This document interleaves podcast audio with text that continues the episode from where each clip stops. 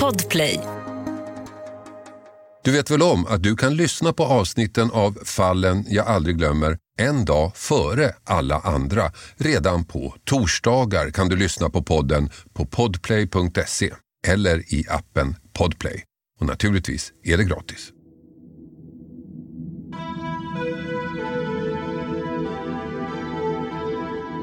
Ja, jag blev väckt tidigt på morgonen av telefonen ringde. Du måste skynda dig ner för Kristina har blivit mördad. Att vi har haft mord på Gotland, det har vi ju haft ett antal, men eh, det här var så speciellt alltså. Med tanke på tillvägagångssättet så tror jag att det är fullfjädrad psykopat så han, han eller hon har nog inte blivit speciellt berörd. Går nog inte att fundera på det här varje, varje dag så att säga. Den spärren finns inte.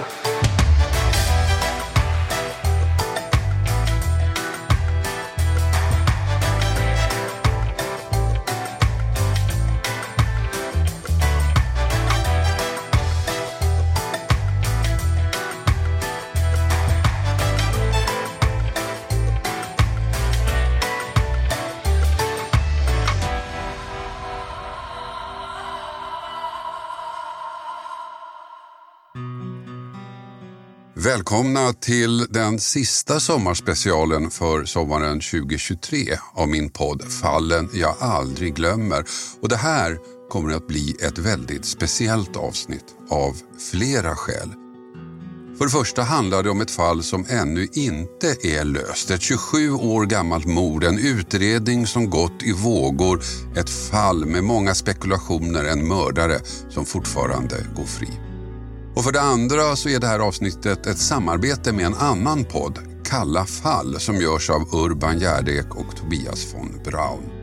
Och för det tredje, i det här avsnittet kommer Urban och Tobias att avslöja helt nya detaljer i fallet. Detaljer som inte tidigare varit kända av allmänheten. Detaljer som kanske kan kasta ett nytt ljus på vad som hände den där natten.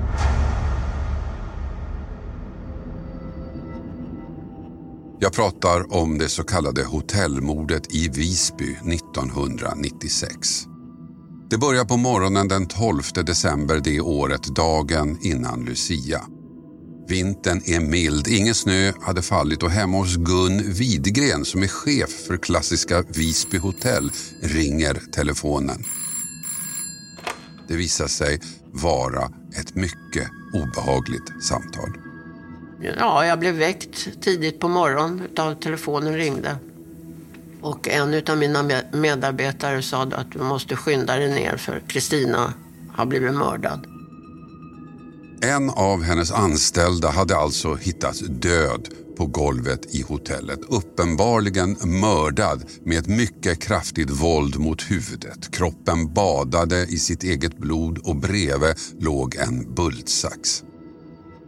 Polisen kommer till platsen klockan 05.58, bara minuter efter att larmsamtalet kommit in. Och en av de första på plats var kriminalinspektören B.C. Larsson.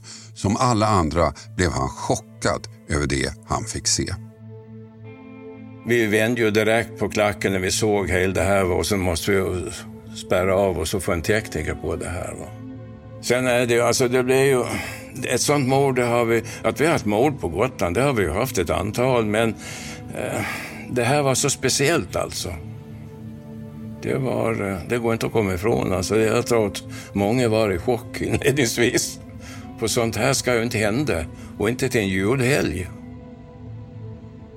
Den som mördats var 46-åriga Kristina Olofsson. Hon jobbade som nattportier och hade arbetat på hotellet i tre år. Hon var uppvuxen i Skultuna utanför Västerås. Men hennes pappa var från Gotland och hon hade tillbringat sina barndomssomrar där. Och redan i tidig ålder hade hon drömt om att någon gång få flytta till ön och i slutet av 70-talet förverkligas den här drömmen när hon fick jobb i Visby. Men det företaget lades ner i början av 90-talet så Kristina omskolade sig till hotellreceptionist. När hon började på Visby hotell så var de flesta andra anställda betydligt yngre än hon så det blev inte särskilt mycket umgänge med arbetskamraterna. Hon hade heller inte en stor umgängeskrets privat utan jobbet blev en stor del av hennes liv, berättar vdn för hotellet Gun Widgren. Hon var väl inte så öppen precis, det var hon inte. Utan hon var väl en rätt så sluten person när det gäller henne som person. Men hon var ju eh, en i teamet som jobbade bra eh, ihop med de andra, absolut. Och nu låg hon här alltså död, mördad på ett mycket brutalt sätt. Och den största mordutredningen i Gotlands historia drar igång. Så här säger kriminalinspektör B.C. Larsson. För att det gäller ju att, att hitta spår och stänga av det, va? för det gjordes väl i det utrymmet ganska bra. Och det är ju så att, att um, man, tas, man går inte runt på en brottsplats hur som helst. Och jag fick ju lära mig en gång i tiden när jag gick polisskolan 65 att när man kommer till en brottsplats då ska man ta händerna och stoppa dem i fickan och gärna sätta sig på en stol och fundera på vad är det som har hänt här? Istället för att du bara går runt här och lyfter på saker och ting. Va? Och den principen tillät vi där. Va? Att det var att dra sig tillbaka. För att det första man ska göra det är att rädda liv, men det här gick ju inte att rädda liv. Så att eh, den kroppen fick ju ligga kvar där. Och sen säkra spår. Och det gjorde inte vi, för vi är inte tekniker. Ett troligt motiv kom ganska snart fram. Utredarna upptäckte nämligen att någon brutit upp ett värdeskåp som stod intill mordplatsen. Ett värdeskåp där hotellrestaurangens kassa på några tusen kronor förvarades. Och nu var pengarna borta. Det fanns också tecken på att någon försökt bryta upp en dörr till ett kontorsrum i samma korridor. Allt pekade alltså på att det handlade om ett rånmord, att Kristina dödats av den person som stulit pengarna. Samtidigt som teknikerna höll på med de inledande undersökningarna började gästerna på hotellet att vakna. Och nu fick utredarna ett problem. Det bästa vore att stänga hotellet så att man kunde få fortsätta jobba i lugn och ro. Men det skulle å andra sidan innebära att massa gäster skulle få stora problem. Så efter ett kort möte beslutade ledningen att hålla hotellet öppet precis som vanligt. De gäster som skulle checka ut förhördes kort och fick lämna sina namn till polisen. De andra fick bo kvar. Och det här är ett beslut som med facit i hand har fått en del kritik. Så här säger BC Larsson. Jag, vet, alltså det, den, jag tror inte att den frågan ställdes då att stänga hotellet. Det tror jag inte. Mm. För att det, det, var ju fullbelagt och gästerna skulle iväg på morgonen med flyg. Och eh, det var ju bokat då julmiddag till kvällen igen. Så jag tror inte det, det... Jag tror man såg det som helt omöjligt att stänga till det. Låsa till det. Det hade varit det bästa naturligtvis.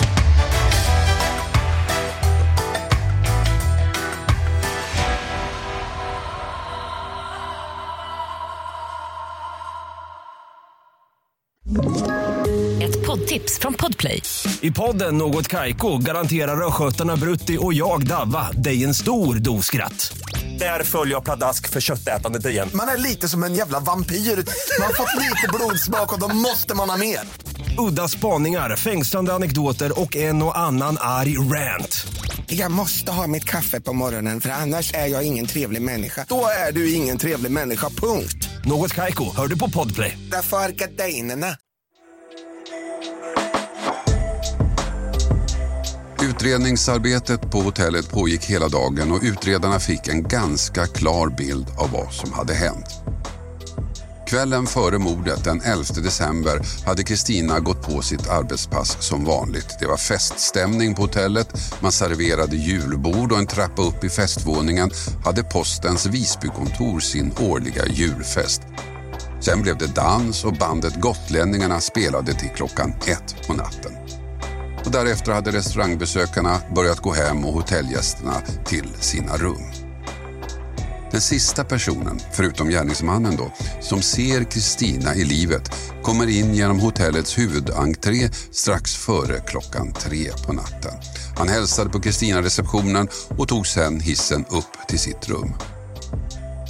Medan han väntade på hissen så hörde han ett metalliskt ljud inifrån den personalkorridor där Kristina senare hittades mördad.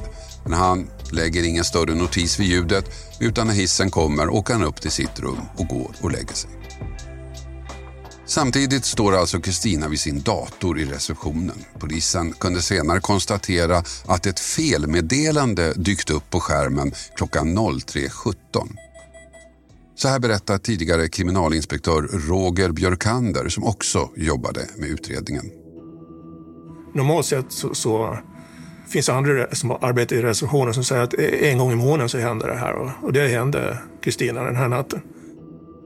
Ja, det var nämligen så att man varje natt gjorde en backup av hotellets bokningssystem. Men stod någon av datorerna på kontoret på så gick det inte att göra den här backupen. För att åtgärda felet var man tvungen att leta upp vilken dator som inte var avstängd och sen stänga av den manuellt. Ofta var det någon dator i den administrativa korridoren som någon glömt stänga av. Och då är det ofta så att det är någon som har glömt att stänga av sin dator och då tar han sin nyckel, går ut i den låsta korridoren för att titta om det står någon dator på. Då. Och det är då det händer. Det är alltså när Kristina låser upp dörren till korridoren som hon går in mitt i det pågående inbrottet och det är där hon träffar sin mördare. Men det exakta mordförloppet är oklart. Antingen blir hon överraskad eh, eller också känner hon igen den här personen helt enkelt. Och det finns ju ingenting som tyder på att hon skulle ha känt igen eller att om, om hon nu får syn på gärningspersonen, där den personen inte ska vara eh, så försöker man kanske fly. Det finns ingenting som tyder på att hon har försökt att fly eller någonting sånt. Eh, då ska hon varit på väg åt andra hållet och det var hon inte. Och så blir hon överraskad av det här då. Och det kanske kommer som en, som en överraskning att hon får de här slagen, eller slagen utav bultsaxen först. Då. Sen att det ena är det andra. Klart står nämligen att hon blivit utsatt för upprepat kraftigt våld mot huvudet. Hon har inte haft en chans att överleva attacken. Och i hennes hårt knutna hand hittar man senare hotellets huvudnyckel som hon alltså vägrat släppa. Med tanke på tillvägagångssättet så tror jag att det är en fullfjädrad psykopat så han, han eller hon har nog inte blivit speciellt berörd. Går nog inte att fundera på det här varje, varje dag. Så att säga. Den spärren finns inte, helt enkelt. Eh, den känslan för medmänniskan, den, den, den, den finns inte. utan saknar empati fullständigt. Och då tänker jag bland annat på det behärskade övervåldet. En viktig fråga som behövde ett svar var hur hade gärningsmannen tagit sig in i hotellet? Entrédörrarna var låsta så antingen måste mördaren ha dröjt sig kvar i lokalerna eller hittat en annan väg in. Och det pågick en renovering i hotellet. Ett fönster var ersatt av skyddsplast och där hade mördaren tagit sig in. Träramen var böjd och innanför hittades ett skoavtryck från en sportsko av märket Reebok storlek 43-44. En ganska ovanlig modell som sålts i ett 20-tal exemplar på Gotland. Därefter hade mördaren gått ner för en brandtrappa, in till ett linneförråd och sen vidare till vaktmästarens förråd. Och där fanns bultsaxen som senare hittades vid den mördade kroppen. En bultsax utan fingeravtryck. Vittnen hade också hört en bil med ett högt motorljud som en rallybil eller att den hade trasigt avgasrör.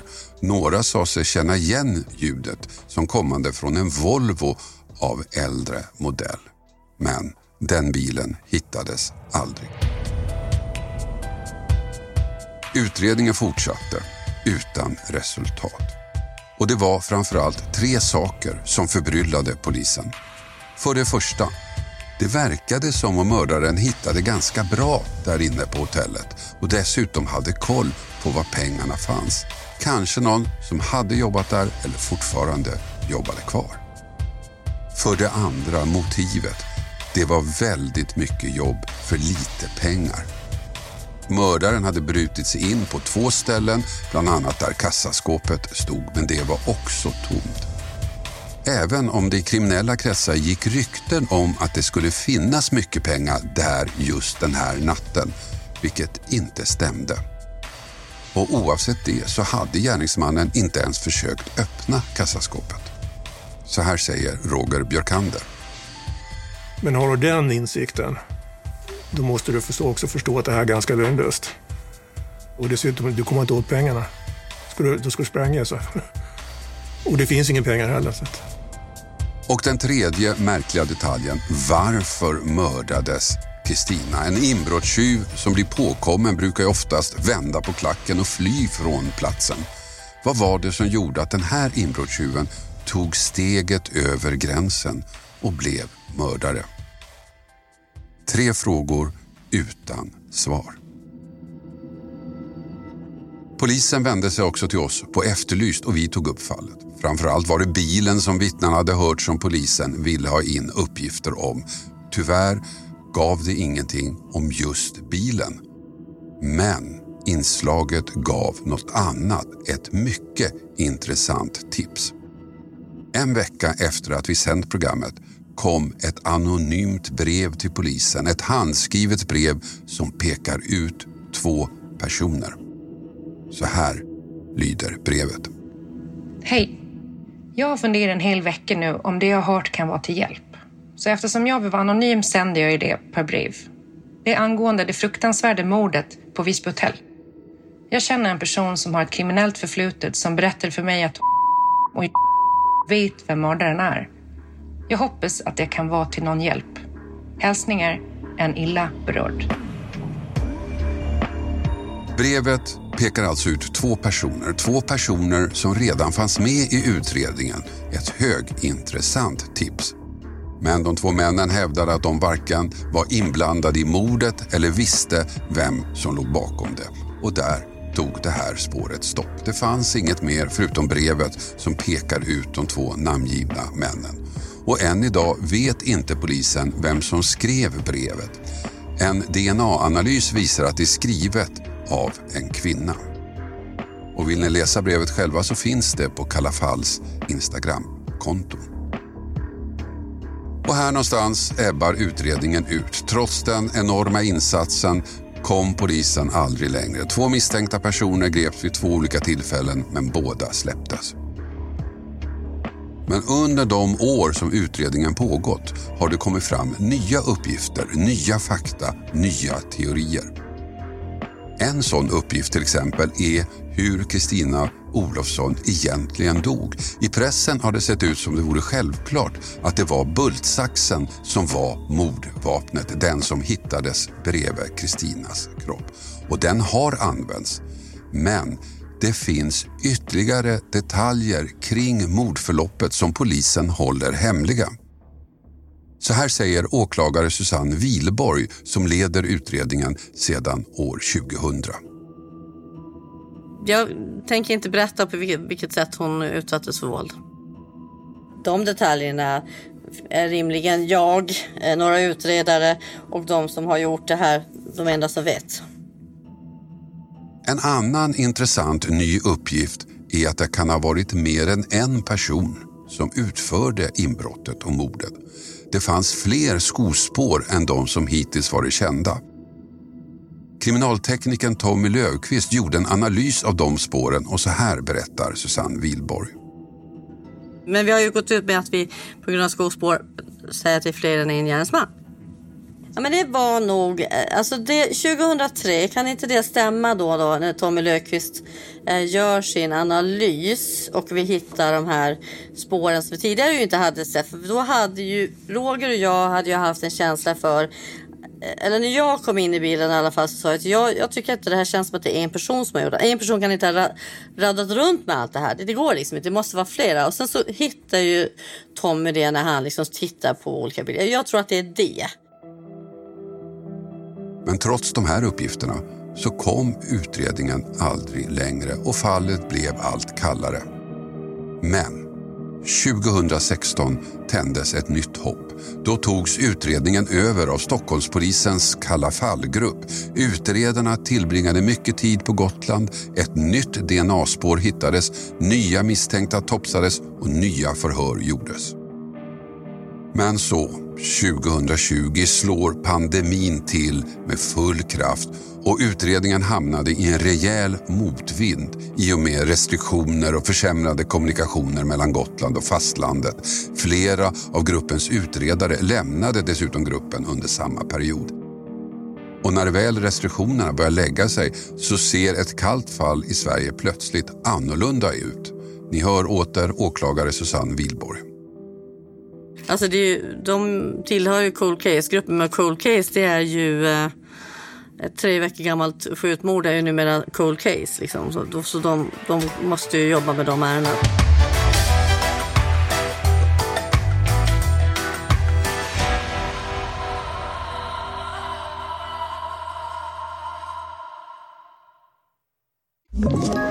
Ett poddtips från Podplay. I podden Något Kaiko garanterar östgötarna Brutti och jag, Davva, dig en stor dos skratt. Där följer jag pladask för köttätandet igen. Man är lite som en jävla vampyr. Man har fått lite blodsmak och då måste man ha mer. Udda spaningar, fängslande anekdoter och en och annan arg rant. Jag måste ha mitt kaffe på morgonen för annars är jag ingen trevlig människa. Då är du ingen trevlig människa, punkt. Något Kaiko, hör du på Podplay. Därför är Och nu händer inte mycket. Utredningen är lagd på is. Och det är nu som läraren Tobias von Braun och läkaren Urban Gärdek börjar granska mordet i sin podd Kalla fall. I en serie på sju avsnitt har de gått igenom fallet och de olika spår som polisen arbetat med under åren. Och under sitt arbete har de även hittat något som är nytt och väldigt intressant. De har nämligen fått tag i anteckningar som tillhört en av de utredare som arbetat med fallet och där hittade de en hittills okänd uppgift. För även om det DNA-spår som polisen sedan tidigare har och som de är övertygade om tillhör gärningsmannen så finns det något som stärker teorin att ytterligare en person kan ha varit delaktig i det händelseförlopp som ledde fram till mordet. För i armvecket på Kristinas kläder har man nämligen hittat något som SKL senare kunnat konstatera är smink. Smink som inte verkar ha tillhört Kristina. Det rör sig alltså om ett spår som skulle kunna tyda på att även en kvinnlig gärningsperson var delaktig i mordet. Skulle anledningen till att Kristina inte vänder på klacken och flyr kunna vara att den hon ertappar i korridoren är en kvinna. En person hon kanske inte omedelbart uppfattar som ett hot. En person hon kanske till och med känner.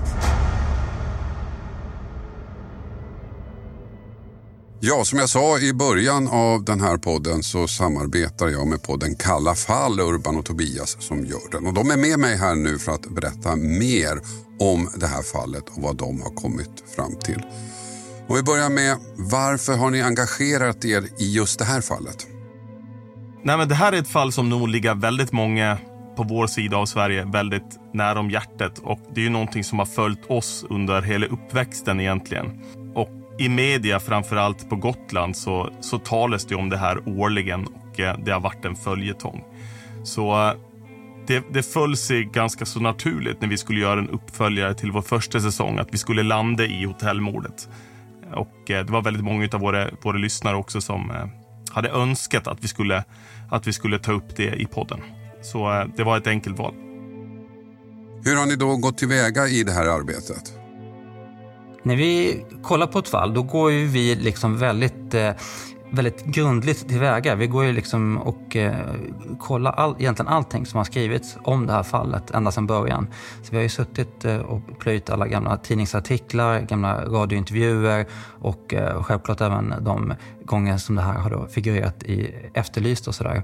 Eh, och sen när man har då gått igenom allting, då får man ju en ganska så bra bild av liksom vad som är känt och vad som inte är känt och vilka trådar som det finns eh, liksom kvar och nysta i och sådär. Och sen har vi helt enkelt grävt vidare genom att intervjua så många människor som jag fått tag på. Både utredare och privatpersoner och andra människor då på, på Gotland som kan ha någon kännedom om det här. Ni presenterar också nya uppgifter som hittills inte har varit kända. Kan, kan ni berätta om dem? Ja, det är väldigt spännande. Vi fick ju kontakt med anhöriga till en av de utredarna som har jobbat mest med det här fallet. Och han drabbades ju då tyvärr av ALS i slutet av livet och kommunicerade då genom ett anteckningsblock. Och då har vi fått eh, titta, ta del av det här anteckningsblocket. Då. Och där fanns det väldigt spännande uppgifter eh, som gjorde gällande att eh, man via en, en analys på SKL skulle ha hittat puder, alltså någon form av smink då på offret. Och eh, han har då spekulerat i om det skulle kunna vara så att det är en kvinnlig gärningsman inblandad i det här.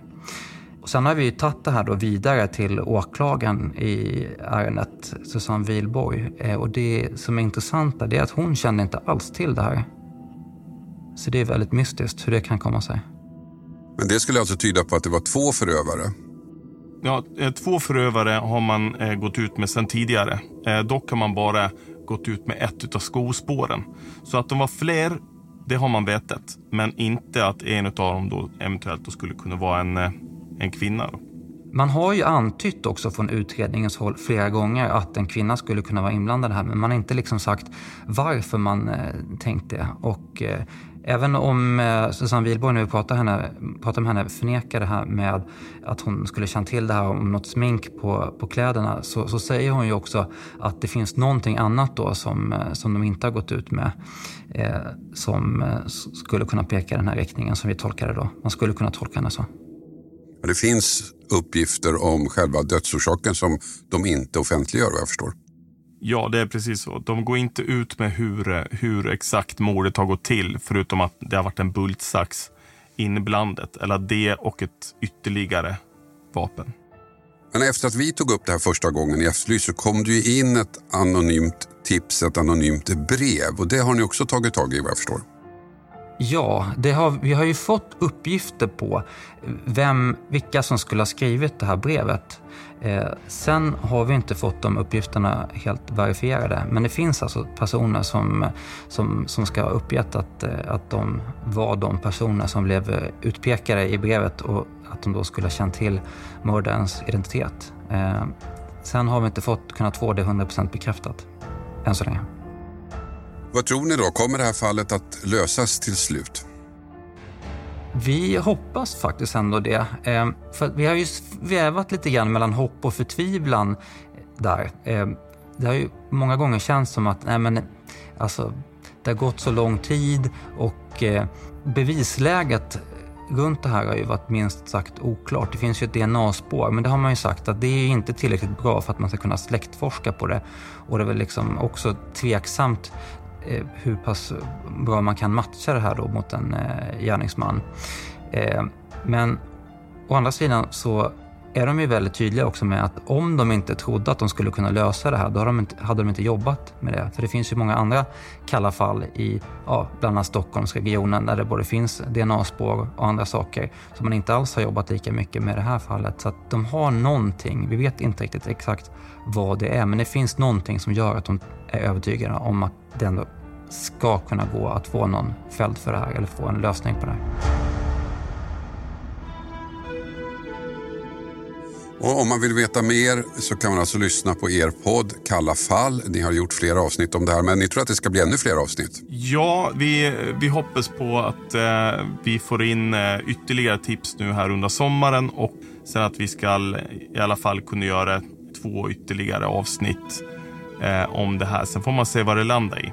Kommer det fler tips så, så, så jobbar vi vidare med dem. Helt enkelt. Och vi har ju fått in många tips ska vi säga redan som gör att eh, ja, helt enkelt har eh, ja, pekar i en viss riktning då, som eh, i alla fall delvis i samma riktning som den här Kalla fall-gruppen eh, jobbade med. Cold Case-gruppen i Stockholmspolisen jobbade med. Eh, precis innan pandemin kom och eh, försvårade utredningen och eh, på grund av olika anledningar så lades det här på is då. Men de jobbade med ett, ett spår som Eh, de upplevde var väldigt eh, hett och eh, det säger väl de fortfarande egentligen att de utredarna de, de tror att, att de var på rätt spår och att det går att lösa det här. Ja, vill du som lyssnar veta mer om mordet på Visby hotell och följa med de olika turer som varit kring utredningen så rekommenderar jag att ni lyssnar på podden Kalla fall. Och den finns också den på Podplay eller där poddar finns.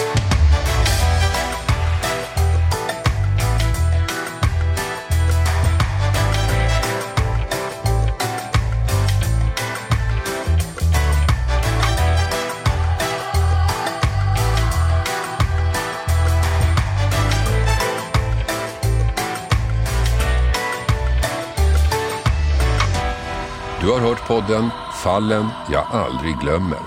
Klippning David Davva Persson. Och jag heter Hasse Aro. Du vet väl om att du kan lyssna på avsnitten av Fallen jag aldrig glömmer en dag före alla andra. Redan på torsdagar kan du lyssna på podden på podplay.se eller i appen Podplay. Och naturligtvis är det gratis. Podplay, en del av Ett poddtips från Podplay. I podden Något Kaiko garanterar östgötarna Brutti och jag, Davva, dig en stor dos skratt. Där följer jag pladask för köttätandet igen. Man är lite som en jävla vampyr. Man har fått lite blodsmak och då måste man ha mer. Udda spaningar, fängslande anekdoter och en och annan arg rant. Jag måste ha mitt kaffe på morgonen för annars är jag ingen trevlig människa. Då är du ingen trevlig människa, punkt. Något Kaiko, hör du på Podplay. Därför arkadeinerna.